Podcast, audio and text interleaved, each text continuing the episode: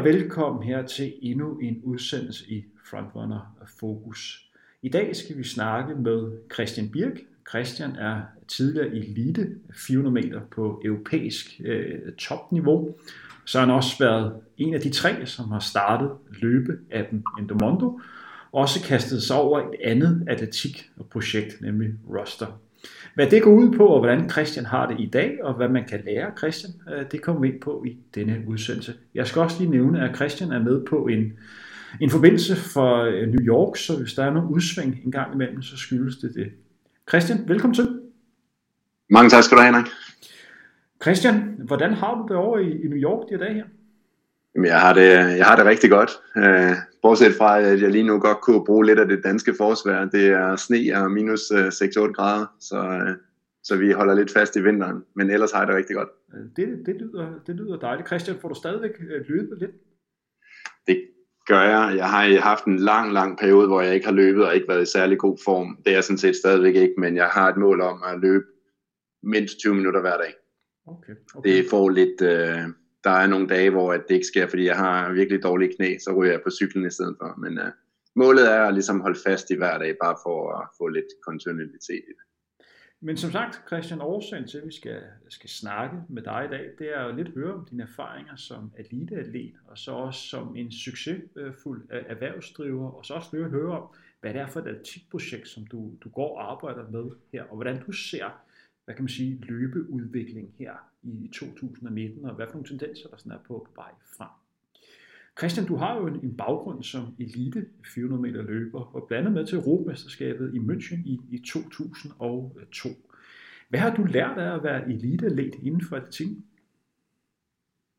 Det er et rigtig godt spørgsmål. Jeg har lært rigtig meget. Øh, jeg tror, jeg kan, jeg kan eksemplificere det ved at, øh, referere til en lille historie fra min første år som, som aktiv atletikudøver, hvor jeg havde Jakob Larsen som træner op i øh, Trungården i Lyngby.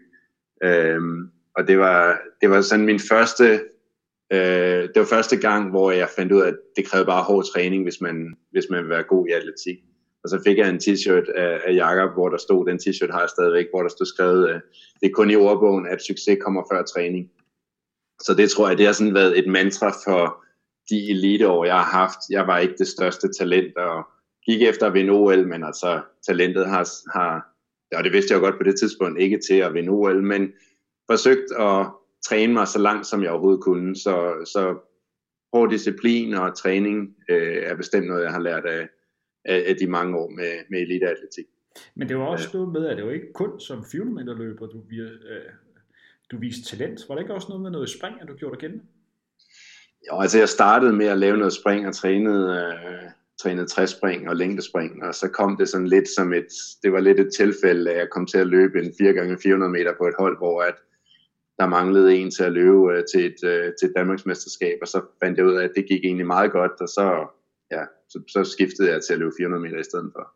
Hvad var det, der fascinerede dig med at være atlet? Jamen, altså det, det, der fascinerede mig, det var at, øh, at konkurrere det var at øh, se, hvor langt man kan komme. Kan man slå sine rekorder? Kan man blive bedre dag for dag? Øh, og det kan man... Øh, altså, det kan man naturligvis ikke i atletik slå sine rekorder hele tiden, men at gå efter det og have det mål om at, at gøre det bedre, end man tidligere har gjort, det er utrolig fascinerende. Christian, du havde jo din storhedstid inden for atletikken i, hvad var det, 2000, 2001, 2002, og som sagt med til Europamesterskabet i München.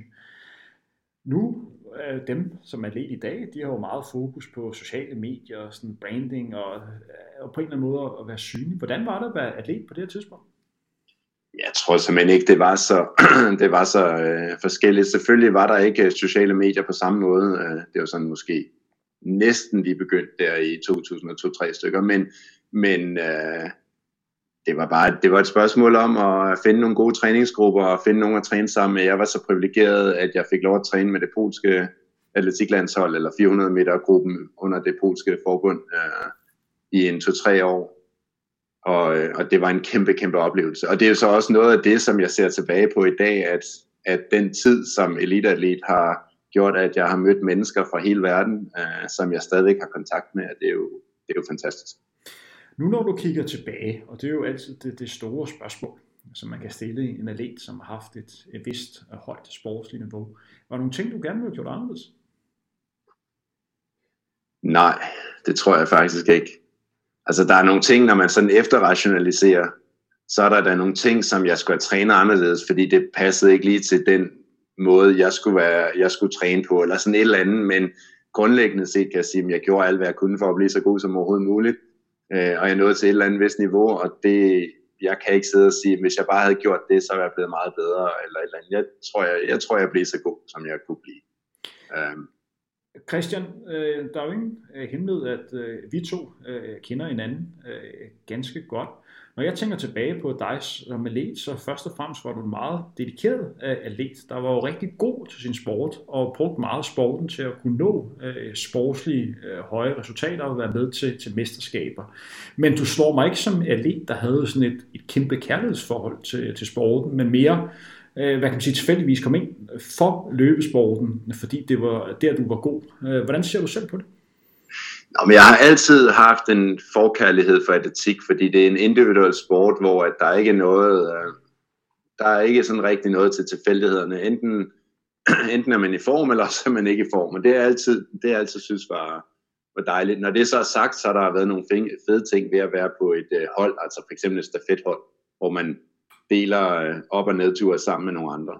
Øh, men jeg tror, de, øh, altså din pointe om, at jeg har, jeg har nyt konkurrencen, og det har været sjovt at konkurrere, og om det var i det ene eller det andet, det havde nok ikke det har nok ikke gjort så meget. Hvis jeg havde været god nok til en anden sportsgren, så ville jeg gerne have gjort det, men, øh, men nu var det, nu var det sådan tilfældigheden, der ledte ind på atletik øh, på et tidligt tidspunkt, og, og det har nyt helt vildt meget, det har været nogle, fantastiske mennesker. Øh, det sociale har betydet utrolig meget hele vejen op igennem. Så, øh, så det har været en, en stor oplevelse. Fordi du er også en af de øh, løbere, der prøver at lave til sig inden for, for sporten. Du prøvede jo at banke sådan en 4x400 meter øh, gruppe op, hvor du var en af frontfigurerne, der på mange måder var med til at samle hvad kan man sige, den her generation af 400 meter løber, som var fremme på, på den tid. Var det vigtigt for dig at hvad kan man sige, connecte folk inden for en der godt kunne være lidt individuelt? Ja, altså jeg havde jo øh, som nævnt den fantastiske mulighed, at jeg trænede sammen med det polske 400 meter hold, og det var 12 400 meter løbere, som, som var delt op på to øh, 4 gange 400 meter hold, seks på hver med reserver osv. Og, og, øh, og det, jeg kunne bare se, hvordan selv dem, som måske ikke, det ikke lige lå i kortene, at de skulle være i en olympisk, olympisk finale, så kunne de stadigvæk nå til OL, og måske endda til en olympisk finale, ved at være mandat nummer 7, 8, 9, øh, som skulle op i de her top 6, som ville blive udtaget og komme med til de store mesterskaber. Og, sådan noget. og det var, det var et fantastisk øh, sammenhold, øh, og det øgede niveauet for alle. Så det var en, øh, jamen det var en ting, jeg, jeg synes, hvis vi kunne have det i Danmark, så, så vil vi også få bedre individualister. Øh, og det tror jeg stadigvæk på i dag. Øh, laver man nogle gode stafetgrupper, så får man også nogen, som er rigtig gode individuelt. Christian, det er heller ikke nogen hemmelighed, og det snakkede vi om før, at vi trykkede på optag, at øh, vi to har oplevet øh, lidt af hver inden for, for sportens verden. Personligt øh, så er en af de, hvad kan man sige, størst, øh, hvad kan man sige, bekræftelser inden for atletikken har jeg jo oplevet sammen med dig. Det er sådan set ikke noget med atletikken at gøre, men det var sådan, at øh, vi to var inviteret med til et, Ja, hvad var det? En øh, roopvisning nede på Bagsø Vi havde begge to en fysioterapeut, der hedder Anders Madsen, som også var fysioterapeut for den danske guldfire. Og så var vi simpelthen inviteret med ned til at kunne sidde i den her øh, guldfire-båd. Øh, og efter vi har siddet i den her båd her, det skal, også lige, det skal lige nævnes, at da vi sad i den her båd her, jeg fik lidt respekt for det med at ro 20 km i timen. Det føltes godt nok hurtigt øh, på, på vandet. Øh, men så var der sådan 500 meter argumenter roning konkurrence, Lad os lige sådan, at der var en, der viste større talent end den anden. Øh, du hamrede virkelig igennem og roede de her 500 meter på 1.21. Og det var sådan, at da vi startede med at ro de her 500 argumenter, der stod der to-tre mennesker og kiggede på os. Mens vi var i gang, så lige pludselig stod der 30-40, øh, hvad kan man sige, roer og stod og kiggede på dig, og havde meget stor respekt for den her 500 meters øh, tid.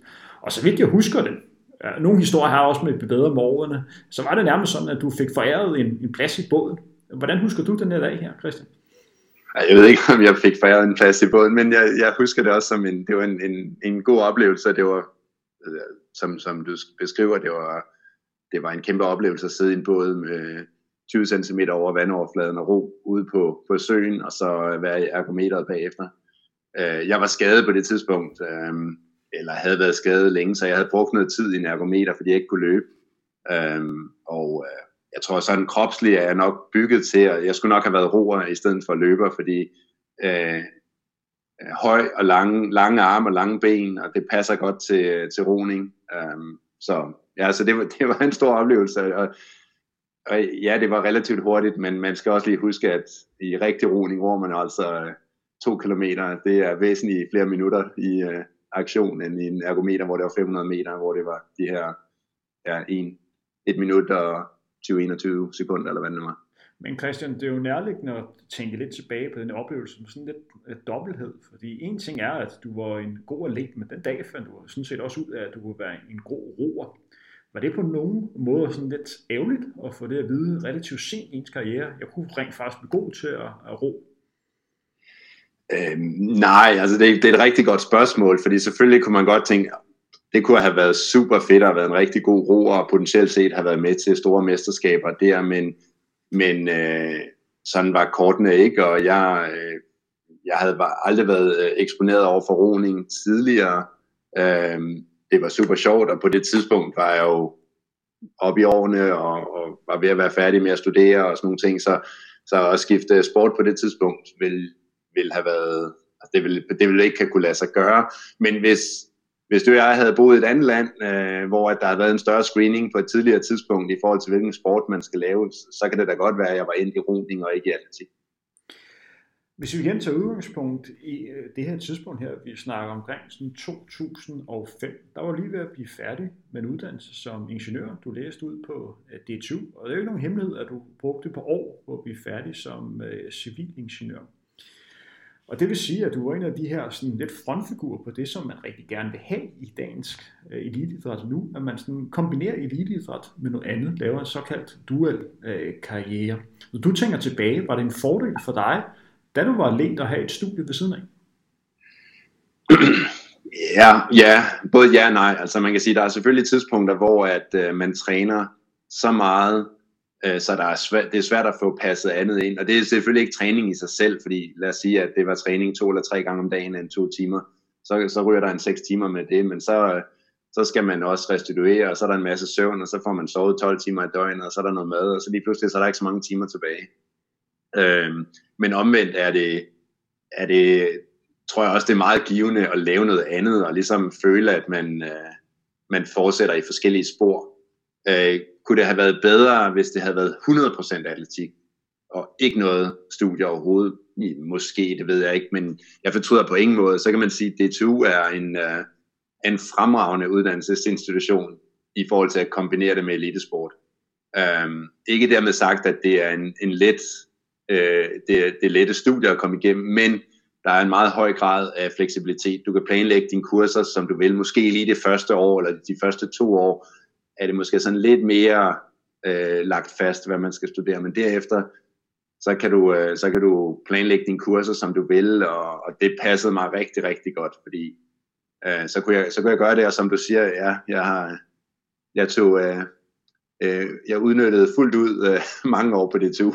Det tog mig, det tog mig lang tid at blive færdig, netop fordi, at jeg så ikke havde fuld semester, jeg havde en tredjedel semester, eller kvart semester, eller hvad det nu måtte være, så jeg havde mere tid til træningslejre til at træne. Men øh, Christian, du blev jo færdig på DTU, jeg tror det var tilbage i, i 2005, der gik du direkte ud til at have et godt job i McKinsey øh, som konsulent øh, der. Øh, da du havde de, de første samtaler med øh, McKinsey, øh, hvor meget spurgte de ind til, at øh, du har brugt så mange år på de studier? Var det noget, der, der fyldte noget? Nej, jeg husker det ikke som noget, der fyldte noget. Øh, så øh, altså jeg havde, jeg havde prøvede at planlægge det nogenlunde med, at jeg vil gerne være færdig med at studere, samtidig med at jeg var færdig med at, at dyrke eliteidræt. Øh, jeg tror, at udfordringen kommer lidt, hvis man dyrker eliteidræt, efter man er færdig med at studere, og har en, lad os sige, 3-4 år, så kan det være lidt sværere at forklare over for en potentiel arbejdsgiver, at man ikke har arbejdet i de fire år. Ikke dermed sagt, at det er umuligt på nogen mulig måde, men, men det var min tilgang. Det var at prøve at planlægge dem, for jeg vil hellere være lang tid om at studere, det var der ikke sådan, altså, det var der som sådan ikke nogen, der spurgte ind til. Ja, jeg var ældre end de fleste studerende, der kommer ud øh, med, en, med en kandidatgrad.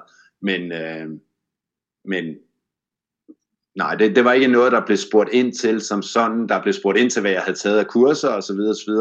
Men ikke på hvilke år eller hvilken årgang det kursus havde ligget. Som sagt, så arbejder du for McKinsey et, et års tid. Øh, det er jo kendt som et, et krævende øh, arbejde. Hvordan tænker du tilbage på det år her, når du sådan kigger, øh, kigger lidt tilbage?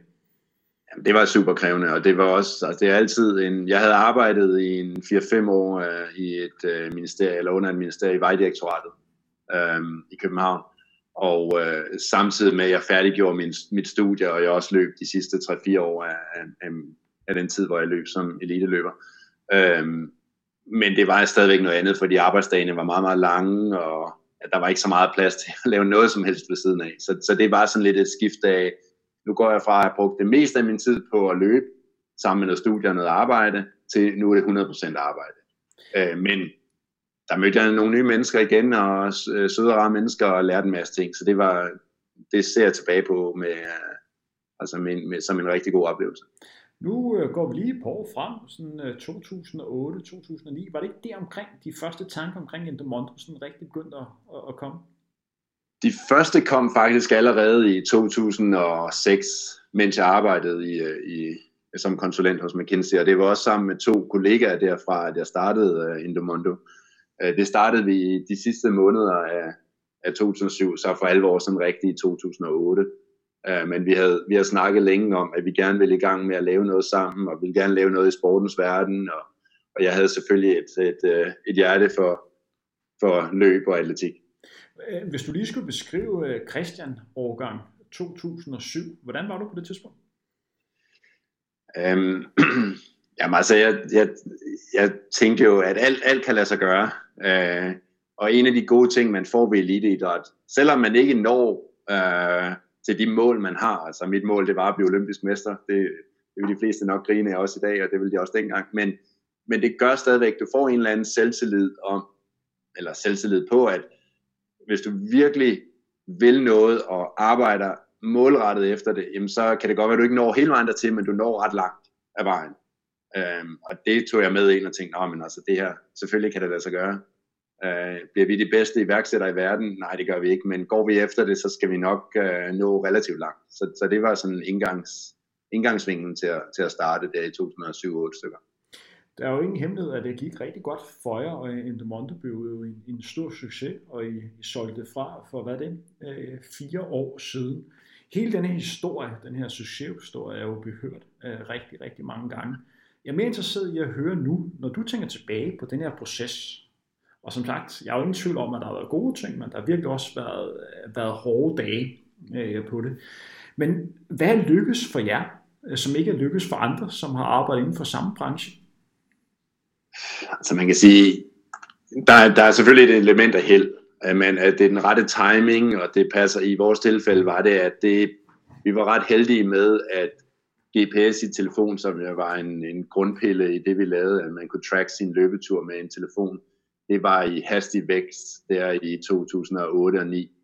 Øhm, så det er et element. Et andet element er, at vi var utrolig dygtige og eller heldige til at finde nogle virkelig dygtige folk.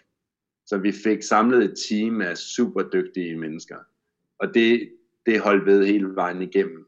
Og det tror jeg, det, det, er, det er grunden til, hvis jeg skulle pege på en grund til, at det blev en succes, så var det, at vi fik øh, af en eller anden uforklarlig årsag overtalt de her dygtige mennesker til at joine teamet og være med på den her rejse. I den her arbejdsproces, hvor meget kunne du bruge din, din fortid som eliteatlet hvor meget kan du trække på dit netværk og så dine egne erfaringer med det at have et mål og så arbejde hen mod det? Altså der er mange ting, jeg har trukket på. Dels øh, at trække på øh, netværk i forhold til at få nogen til at hjælpe og teste og være med til at brede det ud. Og så er der en af dem, jeg trænede sammen med på det polske landshold, var en af de allerførste, vi ansatte, og har været utrolig glad for at arbejde sammen med ham, og han er jo også øh, nu medstifter af det, det nye selskab, vi har lavet. Så der var en masse sådan personlige relationer, Øhm, og så har der været, altså så er der tilbage til nogle af de ting, at, at når man kommer fra elitesport, så, øh, så har man en eller anden form for selvtillid om, at jamen altså, når man arbejder for noget, så øger man også sin, øh, så øger man også outputtet. Og, og vi arbejdede bare super hårdt for, at det her skulle lykkes. Der er rigtig, rigtig mange historier, vi kunne snakke om. Det kunne blive ved mange timer om. Ting, som ikke gik så godt. Øhm, og, det, og dem må man jo så lære af hen ad vejen, og så prøve at lade være med at lave de samme fejl igen og igen. Og jeg har, skal være den første til at sige, at jeg har lavet rigtig, rigtig mange fejl. Men øh, forhåbentlig, forhåbentlig har det været engangsfejl, og så har det været nye fejl igen næste gang osv. osv. Ikke? Hvis man går ind og kigger på Endomondo, som sagt var jo en træningscommunity, hvor man samlede en masse træningsdata ind og sådan kunne følge lidt med i øh, sin, egen, øh, sin egen træning. Med andre ord, man trackede. I må have haft en masse træningsdata for rigtig mange løbere. Øh, hvad brugte I de her data til? Jamen, sandheden er, at vi brugte det faktisk ikke til ret meget Øh, før senere.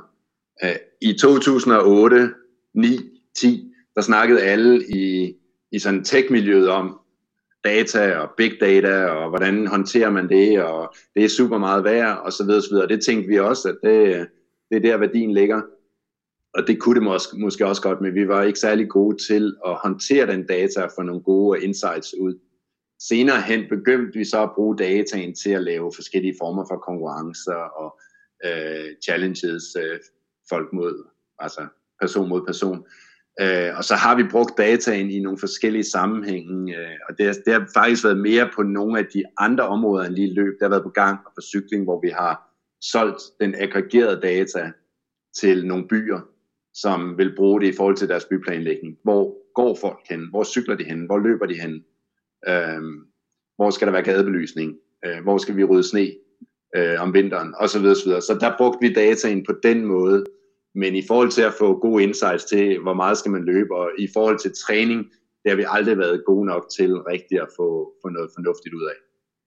Vil uh, Endomondo kunne blive en succes i dag, hvis man skulle starte op fra nu?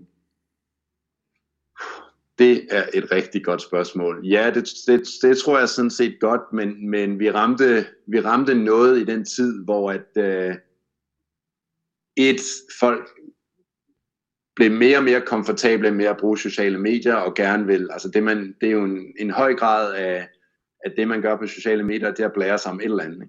Og, og løb har jo, har jo haft en udvikling, hvor det er en del af ens identitet, og man vil gerne fortælle øh, naboen eller kollegaen eller vennen om, at man har løbet 10 km i morges.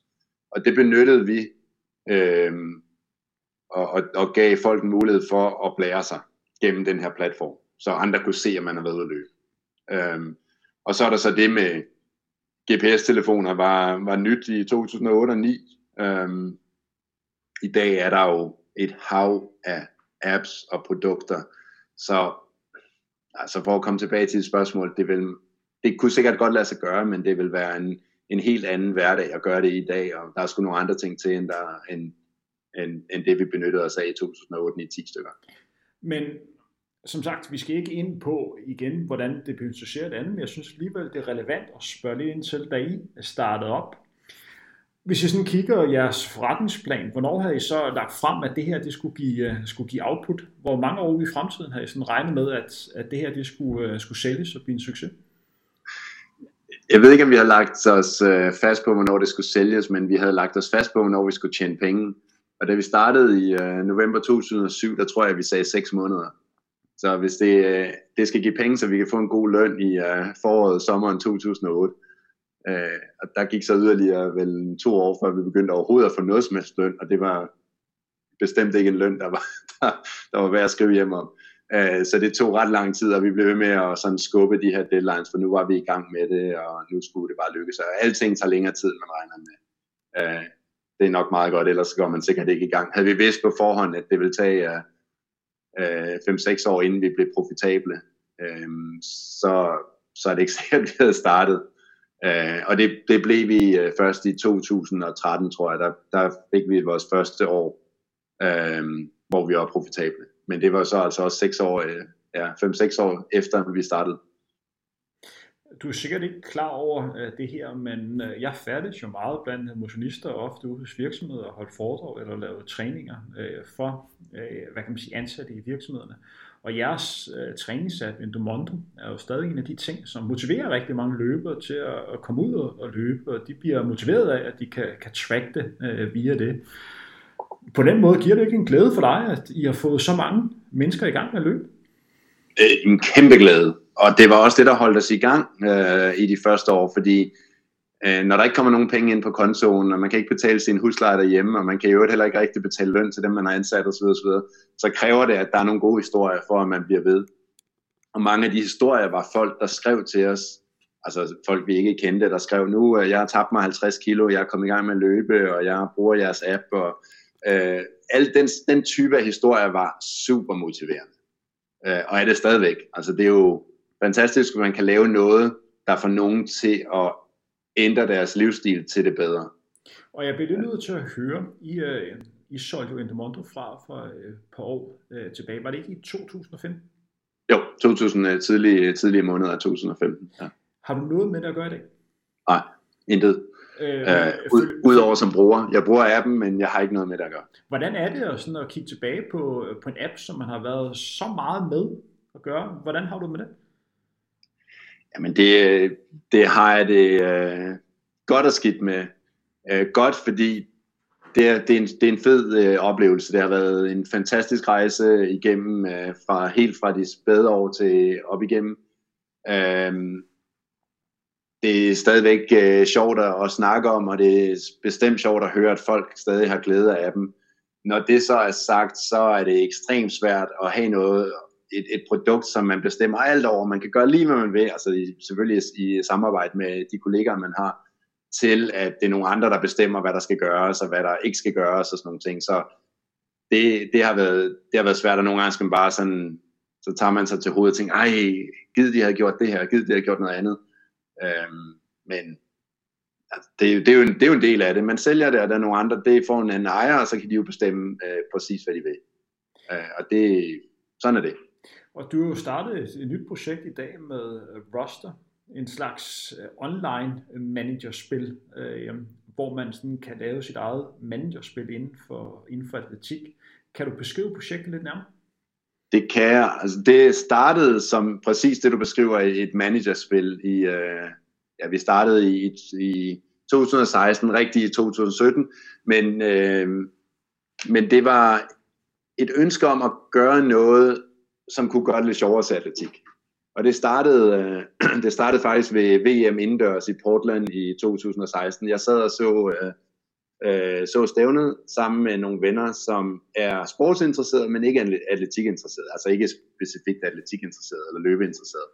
Og, øh, og de havde alle sammen svært ved at øh, forholde sig til resultater, og, og vi, sad, vi sad og snakkede om, hvad kan man gøre, som gør det sjovere at følge med, og som samtidig er med til at uddanne fans om, hvad er det her for nogle folk. Altså for, for at fortælle de her historier om, øh, om atleterne.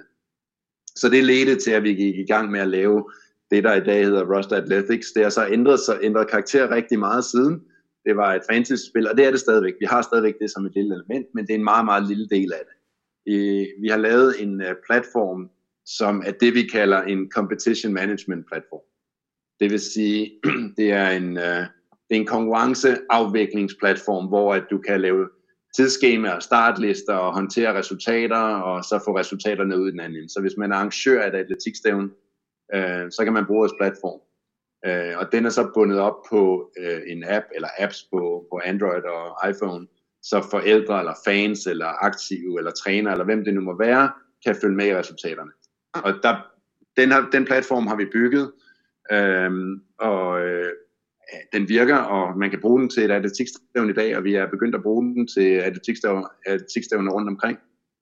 Øhm, og så er der nogle features i platformen, som ligger uden for bare det at lave startlister og resultatlister, og det er for eksempel at have et feed og kommentere og livestreaming og den slags ting. Så det lyder spændende. Hvad er målet med, med Roster? Målet med Roster er at lave en, uh, en fantastisk platform, som bringer arrangører, fans, atleter, træner og andre aktører sammen. Gør det lettere for arrangører at lave et stævne. Øhm, det vil sige alt det praktiske i forhold til det digitale. Få registreringerne ind, få folk på startlister, få fordelt dem ud i de rigtige heats, altså seedning, hvad det nu måtte være. Øh, få resultaterne ind fra den øh, tidstagningssystem, man har, og så få det hele formidlet ud til en bruger der kan se det på en let måde på en app, mens de sidder i sofaen, eller de står nede i den ene ende af stadion, eller hvor de nu måtte være. Og hvis, øh, og hvis I kigger på jeres, øh, jeres kurve, hvor langt er I fra at, at toppe med det her projekt? ja, vi er sikkert 99,5% fra at toppe med projektet. Vi har en platform, som er, øh, som er velfungerende, og du kan lave stævner i dag. Så hvis du vil lave et stævne i morgen, så kan du bruge vores platform og sætte det hele op og lægge det ud til offentligheden osv. Så, så den del fungerer, øhm, og vi synes, vi synes selv, at det fungerer rigtig godt. Øh, men vi har så mange planer med ting, som vi fylder ind i den platform over de næste mange år. Øhm, så, så det er derfor, jeg siger, at der er meget lang vej nu, og det er ikke fordi, vi ikke kan levere på selve stævneafviklingen, men det er fordi, vi tror på, at der er en masse ting, der skal til for at bibeholde atletik som en super spændende sportsgren for en tilskuer, for en fan, for en træner og for en atlet osv. Og Christiansen, helt konkret, hvad synes du, de udfordringer er? Men jeg synes, en af udfordringerne, der er mange udfordringer, der er rigtig mange udfordringer, men en af dem er, at det kan, det kan være kedeligt, hvis du ikke er super fan af atletik. Fordi det er svært at forholde sig til, øh, det er rigtig svært at forholde sig til resultater, hvis ikke du selv har dyrket sporten. Det er svært at følge med på et stadion, øh, hvis der foregår fire forskellige discipliner på én gang.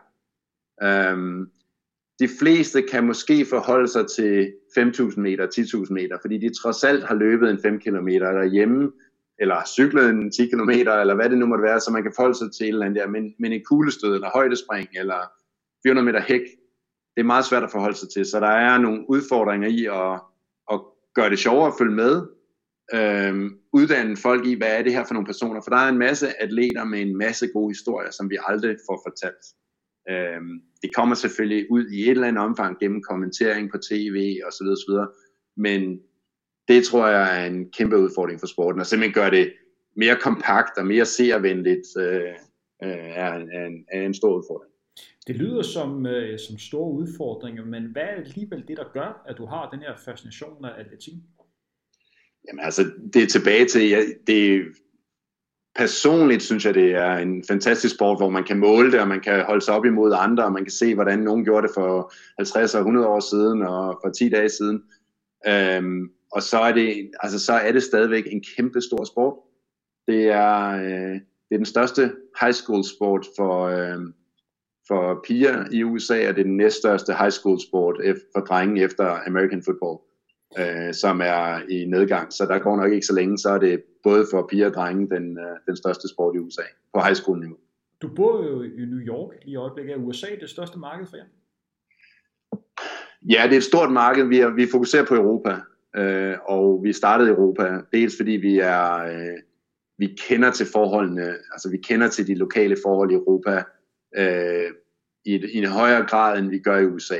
Øh, fordi der er en masse forskellige forhold, vi er nødt til at tage hensyn til i øh, high school og college sport, når det kommer til, til registrering af resultater og, og i øvrigt at få lavet startlister osv. osv. Når det så er sagt, så har vi så småt gået i gang i USA, og vi har vores første, øh, første store high school stævne, som vi tester her om tre uger i Kalifornien. Og øh, vi har testet nogle, nogle konkurrencer i, øh, i New York. Der er en øh, indendørshal, der hedder The Armory, øh, som er, hvis man er i New York, så skal man tage der forbi, den ligger i den nordlige del af Harlem, det er en super fed hal, øh, og de har, jeg tror det er omkring 110 indendørs stævner hvert år. Øh, hvor 10 af stævnerne altså har mere end 5.000 deltagere, det er så high school konkurrence.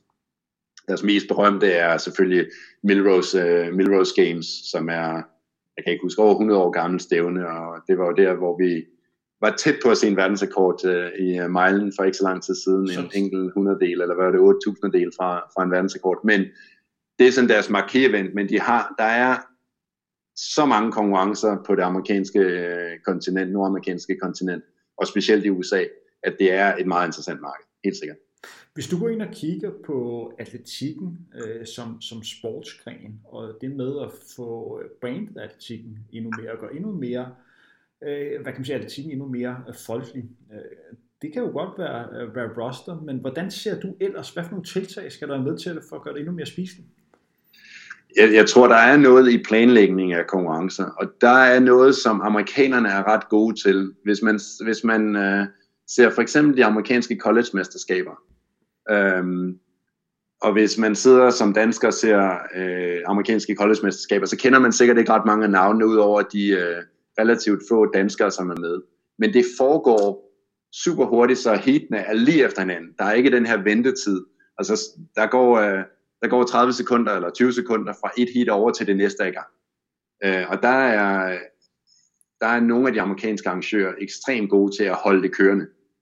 Hvilket betyder, at der sker noget hele tiden. Så du sidder ikke og venter, hvilket jeg synes kan være lidt øh, et af problemerne i hvert fald med nogle andre øh, konkurrencer, både på ungdomsniveau, men også på øh, seniorniveau, at der er for meget tid indimellem. Øhm, og så skal der være, altså så er det at få bygget, bygget de her dueller op mellem øh, to-tre folk, øh, som man kender. Fordi øh, hvis det er, at der er et felt, hvor du ikke kender nogen, så er det svært at, det er svært at blive excited omkring. Øh, så der skal, være, der skal være sådan nogle dueller, og det er, og det ved jeg ikke, om det kommer fra andet amerikansk øh, sport, men, men det er amerikanerne også gode til at få, få ligesom hypet det her. Det er en duel mellem, øh, øh, mellem de her tre løber. Men Christian, når man sidder på et atletikstadion, og så sidder og kigger på et atletikstævne, der er jo typisk sådan flere discipliner i gang samtidig. Øh, og det vil sige, at, hvad kan man sige, publikum skal jo tage et aktivt valg om, hvad han eller hun gerne vil følge med i øh, på det. Det vil sige, at der er noget, der bliver tilvalgt, og også noget, der bliver fravalgt. Og det samme skal man typisk også gøre i en tv-produktion. TV skal jo lave et aktivt valg om, okay, jeg finder den her øh, disciplin mere interessant end anden. Tror du, en løsning kunne være, at man sådan isolerede lidt mere af disciplinerne, som havde lidt mere fokus på én disciplin ad gang? Ja, det tror jeg faktisk. Øh, jeg tror, det, at der foregår mange discipliner på en gang, det er forvirrende. Der er ingen, der rigtig kan følge med. Man skal tage et valg, og det ender altid med, at man ser en lille smule af, af hver disciplin. Og, og altså, det, det er virkelig underholdende at se en højdespringskonkurrence, hvis du ser det hele. Men hvis du ser fire spring sådan et eller andet sted, midt i konkurrencen, så bliver det ikke særlig interessant. Og det samme med øh, løb, og det samme med sprint. Øh, for nu lige at vende tilbage til Milrose Games, som var i, øh, i New York, altså oppe i The Armory her for nogle uger siden, hvor at det var vores første sådan større test i samarbejde med The Armory. Øhm, der havde de lavet et program, som var super spændende tv-mæssigt, og man havde så der var så ikke ret mange øh, tekniske øvelser, men der var kuglestød for eksempel. Det var lagt ind midt på stadion, eller midt på arenaen, indendørs arenaen. Øh, det fik fuld fokus. Det var hurtigt. Det var ikke noget med at have alt for lang tid mellem de forskellige øh, stød, kuglestød. Øhm, så det var meget seervenligt, og det var noget, der fik fuld fokus, og feedbacken fra folk, og også fra, fra tv, var, at det var, det var, virkelig, det var virkelig god tv. Christian, en disciplin, som de fleste måske ikke ser ret ofte. Christian, når du arbejder med sporten, og så med en, en idrætsgren, der er så traditionsrig som atletikken. Hvis man går ind og kigger på de olympiske lege, så er atletikken nok den største idrætsgren overhovedet. Hver fjerde atlet, der er med til OL, kommer for, øh, for atletikken. Det du siger lidt nu, det er, at man skal begynde at kigge på atletikken på andre øjne, så man åbner op for, at endnu flere kan finde øh, sporten interessant. Er det ikke det, jeg hører dig sige? Jo, det tror jeg. Og det, øh, ja, hvis, hvis man går lidt videre, så kigger sådan lidt mere bredt på, øh, på, på løbesporten øh, lige i dag. Hvor ser du udviklingen er på vej hen? Jamen, jeg, tror, der, der, jeg tror, der er forskel på, jeg ved ikke, hvad vi kalder det, baneatletik, eller det, der foregår inde på stadion, og det, der foregår uden for stadion. Altså, selvfølgelig er det, der foregår øh, uden for stadion, er, øh, øh er i meget højere grad mere folkeligt i forhold til deltagelse. Altså, der er jo motionsløb, hvor der er mange flere mennesker med, og det berører en meget større del af befolkningen osv. osv. Øhm, og, og det er jo ikke, altså både i, både i Danmark, men også andre steder, det har jo været en, en voldsom vækst i folk, der løber. I dag er det jo, altså det er alle, jeg har venner, som for 10 år siden ikke kunne drømme om at tage et par løbsko på og gå ud og løbe en tur. I dag er det sådan helt normalt for dem at gå ud og løbe en tur. Øhm, så det, det, er blevet sådan en, det er blevet en ting, som alle gør. Øhm, og så er der på løb uden for stadion, er der jo alle mulige tiltag, om det så er, at det er øh, forhindre, forskellige former for forhindringsløb, eller øh, mudderløb, eller hvad det nu er for nogle forskellige tiltag, som jeg et eller andet sted tror, at de vokser lidt op, og så falder lidt tilbage. Og så er der selvfølgelig nogen, der har en længere levetid. Men, men det kommer lidt tilbage til løb udenfor, handler i høj grad om at være sund.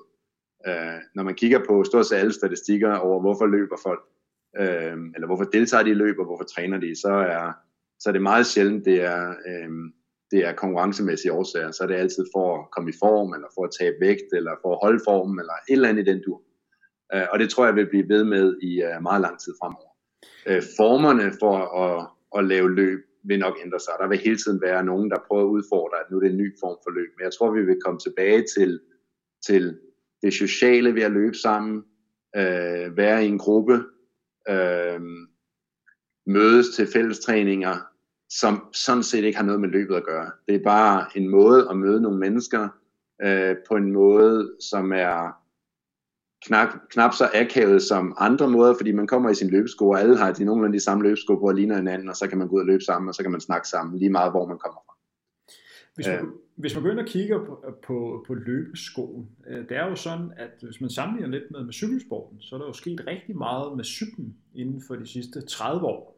Men i forhold til løbeskoen er det først inden for de sidste år, hvor der er begyndt at, at ske lidt. Nike har blandet arbejder lidt med, at der er kommet en ekstra sol ned med ekstra støtte, øh, så man får en lidt mere federne, øh, hvad kan man sige, løbestil, når man er ude, og på den måde får et, et påvist, øh, hvad kan man sige, øh, Øh, hjælp til at, til at løbe hurtigere. Hvordan kigger du på, på løbeskoindustrien? Tror du, der kommer til at ske endnu mere inden for det område? Ja, altså det, det, det tror jeg. Jeg tror ikke nødvendigvis, det er øh, så meget på at forbedre et minut på din maratontid. Eller, og det, det er det selvfølgelig helt klart for de bedste løbere osv. Og, og det, det, vil jo, det vil jo gå hele vejen ned igennem, fordi hvis man kan få et par sko, hvor man løber øh, tre minutter hurtigere end nogle andre sko, ja, hvorfor så ikke? Jeg tror, det, jeg tror, og det er noget af det, der har været meget i, i løbeskosindustrien, det er skadesforebygging hvordan, hvordan sikrer man sig, at man løber nogle sko, som gør, at man, øh, man undgår skader. Fordi det, altså, til, det er lidt tilbage til, hvorfor løber de fleste mennesker? Det er for at holde sig i form. Øh, jeg prøver at løbe hver dag, det lykkes ikke øh, helt på grund af min knæ. Hvis jeg kunne gøre et eller andet, så jeg kunne løbe hver dag, det vil, altså, det vil jeg jo meget gerne betale penge for. Øh, og jeg er sådan set fuldstændig ligeglad. Jeg løber så langt, så der er nogle mennesker, der, der vil det og ikke være så bekymret om, jeg kan løbe 10 eller 20 sekunder hurtigere på en 5 km. Christian, det er jo sådan her i, i Danmark, der har vi jo verdensmesterskabet i cross i slutningen af, af marts måned. En stor begivenhed for, for dansk løb. Du bor jo til daglig i New York og arbejder øh, med atletik og, øh, og, og løbesporten generelt i nok crossens hjemland, USA. Øh, hvor stor begivenhed er det i USA, at der skal være verdensmesterskabet i cross i Danmark? Er det noget, som du hører noget om? Ja, altså nu, nu øh, går jeg i nogle kredse, hvor det, det er sådan ret øh, nørdet løbemiljø, ikke? Øh, og, og der er der selvfølgelig der er der selvfølgelig rigtig meget snak om det. Jeg tror, der kommer nok til at gå noget tid, før det sådan for alvor øh, kommer helt ned i rækkerne. Jeg var ude at se et, øh, et skole, high school øh, cross øh, øh, for nogle måneder siden. Og jeg var overrasket over, hvor stort det er. Altså det er jo kæmpestort, når, når du samler high schools fra, fra oplandet. Øhm, så cross country i high school i USA er stort, er kæmpestort. Men der er stadigvæk lidt en disconnect til de allerbedste i verden. Øh, fordi der, der kan man sige, på mange måder, der er, øh, der er USA, det er sådan meget, hvad der foregår inden for USA's grænser. Øh, som, så der er ikke, altså jeg vil jo umiddelbart tro, at alle high school knægte og piger, som øh, er med i et, øh, et øh, crossløb, de vil kende til øh, de bedste løbere i verden, de vil kende til, at nu der er et VM osv. osv. Det føler jeg ikke, de gør. Så der er nok et stykke vej endnu, og det har ikke noget med Danmark at gøre, det har ikke noget med Aarhus at gøre, det er bare sådan generelt at få, få øh, gjort opmærksom på, at cross, det er bare en stor begivenhed, øh, og det vil tage noget tid, men, men, men øh, græsrødderne er der, fordi der er ekstremt mange, der løber cross i øh, USA. Christian, da du fik ideen til, til Roster øh, og ideen til Endomondo i, i sin tid, det er jo nærliggende lige at spørge dig, hvem bliver du inspireret af? Hvor får du de idéer fra? Altså, jeg tror, der er to ting i det. Øh, idéerne, det er mere, altså det er at snakke med folk, der, øh, der sidder med, med det problem, man nu gerne vil løse. I vores tilfælde, der har vi snakket med en masse folk, der sidder med stævner og er lidt øh, øh, frustreret over, hvordan får vi det uploadet, hvordan øh, får vi øh, minimeret arbejdet ved at sidde og skrive det hele ind i Excel-ark, øh, hvordan gør vi, når vi laver et stævne, og så skal vi finde øh, årsbedste og personlig bedste for alle de her løbere. Det tager vildt lang tid. Kan vi gøre det på en lettere måde? Så det er nogle af de ting, vi ligesom, så snakker man omkring det, og så tænker man, det må der jo da findes en bedre løsning på. Det, og det er ikke sikkert, at man løser det lige med det samme, men over tid er det så et mål at, at gøre livet lidt lettere for alle de frivillige og de mennesker, der står på de her stævner. Øhm, og så er der selvfølgelig, hvad, hvem, hvem man bliver inspireret af på anden måde, og der er, øh, altså den, den liste er meget lang. Øh, af nogen, nogen på løbeområdet, øh, det er meget let for mig i forhold til øh, favorit øh, rollemodel på løb. Det er, der er ingen sammenligning, det er Wilson Kipketer. Hver gang, at øh, jeg tænker på, hvad er den perfekte løbestil, så prøver jeg bare at visualisere, hvordan Wilson han, øh, han, han løb i sin tid, eller stadig løber. Øhm, men på, på forretningsdelen, jamen, så, er der, så er der en lang række mennesker, der betyder noget, og, og man drager inspiration fra. Hvis man går ind og kigger også på, på løbesporten som industri, øh, der er jo inden for cykelsporten kommet et helt nyt træningselement, hvor, hvor folk kan logge på på deres øh, home training derhjemme og cykle mod andre og lave sådan en konkurrence, og man snakker lidt om, at det i princippet skal gøres som en officiel sportsgren inden for det, man kalder e-sport. Jeg tror, at navnet er Shift øh, på det. Er det noget, som du kunne se inden for, inden for løbesporten? Noget af det tilsvarende? At man sådan kan logge på og deltage i, i konkurrencen? Ja, det kunne jeg bestemt se. Men omvendt øh, er der nogle logistiske udfordringer. Jeg er selv øh, øh, meget glad for at bruge Swift og har en øh, cykel på, øh, på mit kontor sat op på en Swift, så jeg kan køre og cykle mod andre. Jeg bruger det ikke så meget til at konkurrere, men det er bare for at kunne cykle hjemmefra, når nu at det er minus 8 grader og sne udenfor. Øhm, og der ser jeg også i, i Swift, at der er jo masser, der løber øh, på, på de samme ruter, men det kræver jo et helt andet setup. Altså på, i cykling er det, der tager jeg min cykel og tager hjulet af og sætter det op på en, øh, på sådan en lille, lille enhed, ikke, som ikke fylder ret meget. Hvis jeg skulle gøre det samme på løben, skulle det selvfølgelig sættes op med et løbebånd. Og hvis det kommer ind i fitnesscenterne, for nu er det nok begrænset, hvor mange der har deres eget løbebånd hjemme, øh, så, så tror jeg bestemt, der kunne... Øh, altså det er jo en måde at gamify det, og gøre det lidt sjovere at løbe. Øh, så løber man nye ruter hver dag, og man løber med nogle andre, og man løber på tværs af grænser, så det, det kan jeg bestemt sagtens se. Christian, øh, vi er ved at komme til, til vejs ende. Den sidste ting, jeg lige skal høre om, øh, hvis vi gentager den her snak her om fem års øh, tid i 2024, hvor er, står Christian den dag? Jamen, så er jeg stadigvæk i fuld gang med at lave, lave roster, og forhåbentlig får jeg mails, øh, ligesom vi fik i Monde, hvor at, øh, det var brugere, der skrev, at, at vi har gjort deres hverdag meget lettere ved, at de kommer i gang med at løbe, men i stedet for, så er det, uh, så er det arrangører, som øh, skriver og siger, at det her gør det meget lettere at lave et arrangement, og øh, det er forældre, som øh, siger, at det er det meget, meget lettere at håndtere dagligdagen med at få, øh, øh, få tilmeldt og få arrangeret øh, vores poder og tage til konkurrencer, og, og forhåbentlig har det gjort det sjovere at følge med i atletik som fan. Og hvor meget følger du selv med i, i dansk atletik lige i øjeblikket? Vi har jo Europamesterskab øh, de her dage her i, i Glasgow. Er det noget, som du har fokus på? Jeg ved, I, ja. I selv bruger det i, i roster. Ja, altså jeg følger, jeg følger, jeg følger ret meget med. Um, så øh, jeg prøver, men, men der er selvfølgelig mange konkurrencer. Der er både, øh, så nu er vores to øh, fokusområder, det er, det er Europa og, og USA. Det betyder ikke, at der ikke er interesse stævner, der ligger i Asien eller i Afrika, eller det ligesom et andet sted, øh, men jeg følger, jeg følger andre med. Og det er dejligt at se et EM, øh, når der er danske trøjer på, på banen. Og det var jo ikke lang tid før, at denne udsendelse blev optaget ja, lidt over 6 øh, dansk tid, og det er så 6 øh, lokalt tid omkring middag i New York. Det var jo ikke øh, lang, øh, lang tid før, vi skal Andreas Bubbe i aktion, der løber indledende heat. Det er jo sådan, han vandt øh, sølv for Europamesterskabet for to år siden, og det er en løber, som du også kender øh, ganske godt, Christian. Han startede jo som 400 løber, øh, dengang du også var øh, på toppen. Tror du, at Andreas kan hæve endnu en medalje hjem til Danmark? Jeg skal, jeg, jeg skal bare spørge med at spørge om det. Ja, det tror jeg, han kunne. Men, men til et mesterskab kan alt jo ske. Altså, det er på en lille bane, og der skal ikke så meget til. Øh, der er også noget held. Men Andreas har, udover at han er en fantastisk løber, så har han øh, erfaringen til at placere sig godt. Han har god taktisk snille. Øhm, mange mesterskabsløb bliver jo ikke så nødvendigvis sådan super hurtige, og det er jo, det er jo perfekt for Andreas.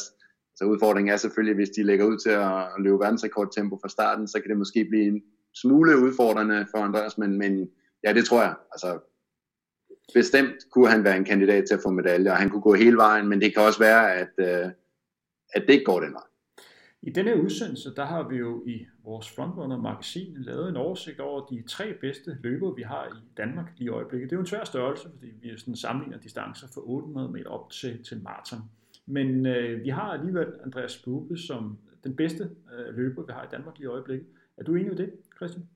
Altså hvis, hvis du snakker om aktiv... Aktiv løber øh, med formbarometer fra i dags dato, 1. marts. Ja, det, det er jeg enig i. Andreas Bube er, er blandt de tre bedste, hvis ikke den bedste. Ja. Med det, Christian, så øh, det man hørte her, det var jo Frontrunner Fokus øh, podcasten, hvor vi fordybede sig i et emne eller en interessant person, og det var derfor, at vi har taget fat i dig, Christian. Mange tak, fordi du har lyst til at være med og tilbringe det, der blev en lille time sammen undertegnede Henrik Thiem. Som altid skal jeg lige høre, er der nogle ting, som du mener, vi ikke har været inde på, som vi lige skal gennemgå? Det, det har der helt sikkert været, men uh, mange tak for at invitere mig til, til, en, til en samtale, og uh, og tak for at lave de her programmer, som jeg selv øh, lytter til hver gang de, øh, de bliver lagt ud. Så, og, og for lige at være dem, der sidder og hører med, der godt kunne tænke sig at vide lidt mere om de projekter, du er med at gøre, og kunne også tænke sig at være med i, øh, i Roster og støtte op med omkring det. Hvordan kan de finde information om det? Altså, de er altid velkommen til at skrive uh, enten direkte til mig, det er på christiansnabelag.rosterathletics.com uh, Ellers så uh, kan de også skrive på, hvad det nu ellers måtte være, øh, Facebook eller LinkedIn eller andre, andre kanaler. Øhm, og læse mere om øh, Roster Athletics kan man gå på vores øh, website, der står en lille smule, men det, det bedste er nok bare at række ud, og så skal jeg med glæde øh, enten demo, hvad det er, vi kan, eller fortælle lidt om det. Men øh, mange gange held og lykke med det, Christian, og øh, til jer, der har hørt med derude, tak fordi jeg tilbringer det, der blev som sagt en lille time sammen med undertegnet. Husk at følge Frontrunner inde på Spotify, iTunes eller SoundCloud. Husk, vi er her for jeres skyld, for at få større interesse for den løbesport, vi alle elsker så meget. Vi har alle en fælles interesse, det er nemlig at gøre løbesporten endnu mere populær. Det gavner dig, det gavner Christian, det gavner også mig. Rigtig god fredag derude, og have det godt, inden vi høres ved inden længe.